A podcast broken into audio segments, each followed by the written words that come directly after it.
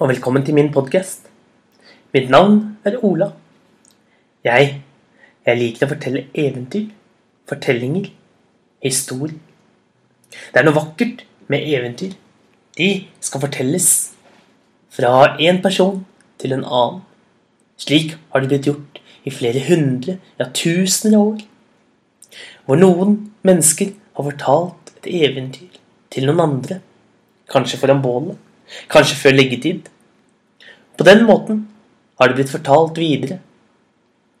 Og en dag kanskje du forteller dette eventyret til noen andre. I dag skal vi reise til Japan. Vi skal høre et japansk eventyr om en klok, gammel dame. En gang for lenge siden, i en by i Japan, der bodde en bonde. Men i dette landet så var det en underlig og streng regel. For det fantes ikke gamle mennesker i denne byen. For hver gang noen ble gamle, da ble de stengt inne i en hule oppe på fjellet. Og der slapp de ikke ut. Og denne bonden hadde en mor som han var svært glad i. Men hun begynte å bli gammel. Hun kom snart til å bli regnet som gammel. og Da ville de føre henne opp i hulen oppe på fjellet og stenge henne inne der for alltid. Så han tenkte ut en god plan og gravde et hull under gulvet der hun kunne bo. Slik gjemte han henne i flere år uten at noen i hele landsbyen visste at hun fantes der. En dag så kom det beskjed. Kongen var på vei. Kongen som hadde bestemt disse reglene. Kongen som styrte landet. Det var en ung konge ved navn Higa. Og Higa, han var sint. Han kom ridende til byen og sa at han hadde tenkt til å ødelegge byen. Men han skulle være rettferdig. De skulle få tre gåter. Kunne de svare på de tre gåtene, da skulle byen bli spart. Og alle i byen samlet seg rundt, rundt kong Higa for å høre på disse tre gåtene. Og han sa den første gåten, oppgaven dere må løse, er Dere må Han tenkte seg godt om, og alle satt helt musestille og så på ham. Dere må lage et tau av aske. Det var visstnok en helt umulig oppgave. For hver gang man prøvde å sette sammen asken, så falt den sammen og ble en haug med aske istedenfor et tau. Alle i landsbyen satt og diskuterte fram og tilbake og prøvde ulike måter å tenne på tauet, eller å lage, vest, lage aske om til et tau. Men uansett hvor mye de prøvde, så gikk det ikke. Da kvelden kom, så dro bonden hjem til sitt hus og slapp moren ut av gulvet og sa til henne at nå hadde det kommet en ond konge med navn Higa og han hadde tenkt til å ødelegge byen. Men de hadde fått lov til å bli reddet dersom de klarte å løse hans tre gåter. Og den gamle damen satte seg ned og ba han fortelle. Han fortalte hvordan de skulle lage tau laget av aske. Den gamle damen tenkte seg godt om.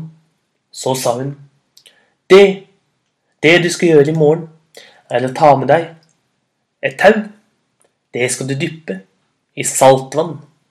Og når du tenner på, da vil asken bli værende akkurat slik som den var. Og da vil det se ut som et tau. Og på den måten har du laget et tau av aske. Og bonden ble veldig glad for dette, for dette gode rådet fra sin gamle mor. Og han skyndte seg tilbake til slottet og kong Higa spurte om det var noen som nå kunne lage tau av aske. Han gikk fram, dyppet tauet i saltvann, tente på, og ganske riktig, tauet beholdt formen sin selv når det ble aske. Og kong Higa var mektig imponert, for han ga store, rike gaver til bonden. Han fikk en hel, svær sekk full med sølv og sølvpenger og sølvsmykker. Og til og med et sølvsverd. Men så sa han Det var den første gåten. Nå må dere løse gåte nummer to, for ellers ødelegger jeg byen deres. Og han sa Her har jeg en tømmerstokk, og han viste fram en tømmerstokk. En lang tømmerstokk som var bøyd. Og midt på tømmerstokken så var det et bitte, bitte lite hull. Dere må tre en tråd gjennom denne tømmerstokken. Og alle i byen gikk sammen og prøvde å dytte nåler gjennom det bitte lille hullet. Men ingen av nålene kunne komme seg gjennom. Det var altfor lang stokk, og stokken var altfor bøyd. De prøvde å tre en tråd gjennom, men det nyttet ikke. Det var en umulig oppgave. Og de satt der helt til kvelden kom. Da gikk alle hjem til sitt, og bonden slapp moren ut av gulvet og fortalte at nå hadde, hadde kong Higa gitt henne en oppgave som var helt umulig. Å tre en tråd gjennom en bøyd stokk. Men moren hadde råd. Hun sa ta med deg denne honningen. I morgen skal du smøre litt honning på den ene enden av stokken. Så skal du binde en silketråd rundt magen på en maur og føre mauren over til den andre hullet. På den måten vil den krabbe gjennom hele stokken, og på den måten vil tråden bli tredd på den lange, bøyde stokken. Og neste dag spurte kong Higa om noen hadde løst oppgaven hans, og bonden gikk fram. Han gjorde slik moren hadde fortalt. Han bandt en silketråd rundt magen på mauren. Så tok han og la en dråpe med honning på den andre enden av stokken. Og ganske riktig, den lille mauren pilte inn gjennom det lille hullet og forsvant helt til den kom ut på den andre siden. Og bak seg hadde den silketråden. Og Higa, kong Higa, var mektig imponert og hentet en enda større sekk, full av gull og gullpenger. En gullkrone lå det oppi der. Det lå gullbeger og gulltallerkener. Og der lå det et gullskjold. Og kong Higa sa det var virkelig smart tenkt. Tenk at du har kommet med to av løsningene. Men er det du som kan løse den siste? Da er byen reddet. Men kan dere ikke løse den, da ødelegger hele byen. Den tredje oppgaven er dere skal ha en tromme som spiller helt av seg selv. Og alle i byen undret seg storlig over dette. Hvordan kunne de få en tromme til å spille av seg selv? Og de prøvde med alle ulike oppfinnelser, men uansett hva de gjorde, fikk de ikke trommen til å spille av seg selv. Da kvelden kom, gikk alle hjem til sitt, og bonden slapp, slapp mammaen ut av gulvet og fortalte at nå var byen fortapt, for nå hadde de virkelig fått en umulig oppgave. De skulle ha en tromme som kunne spille helt av seg selv. Men nok en gang begynte den gamle damen å si at det ikke var noe problem. Hun hadde løsningen. For neste dag skulle han ta og fange en bie. Den skulle han slippe inn, inn i trommen under trommekinnet. Og på den måten vil bien fly fram og tilbake og spille på trommen. Og neste dag så spurte kongen om noen hadde løst oppgaven.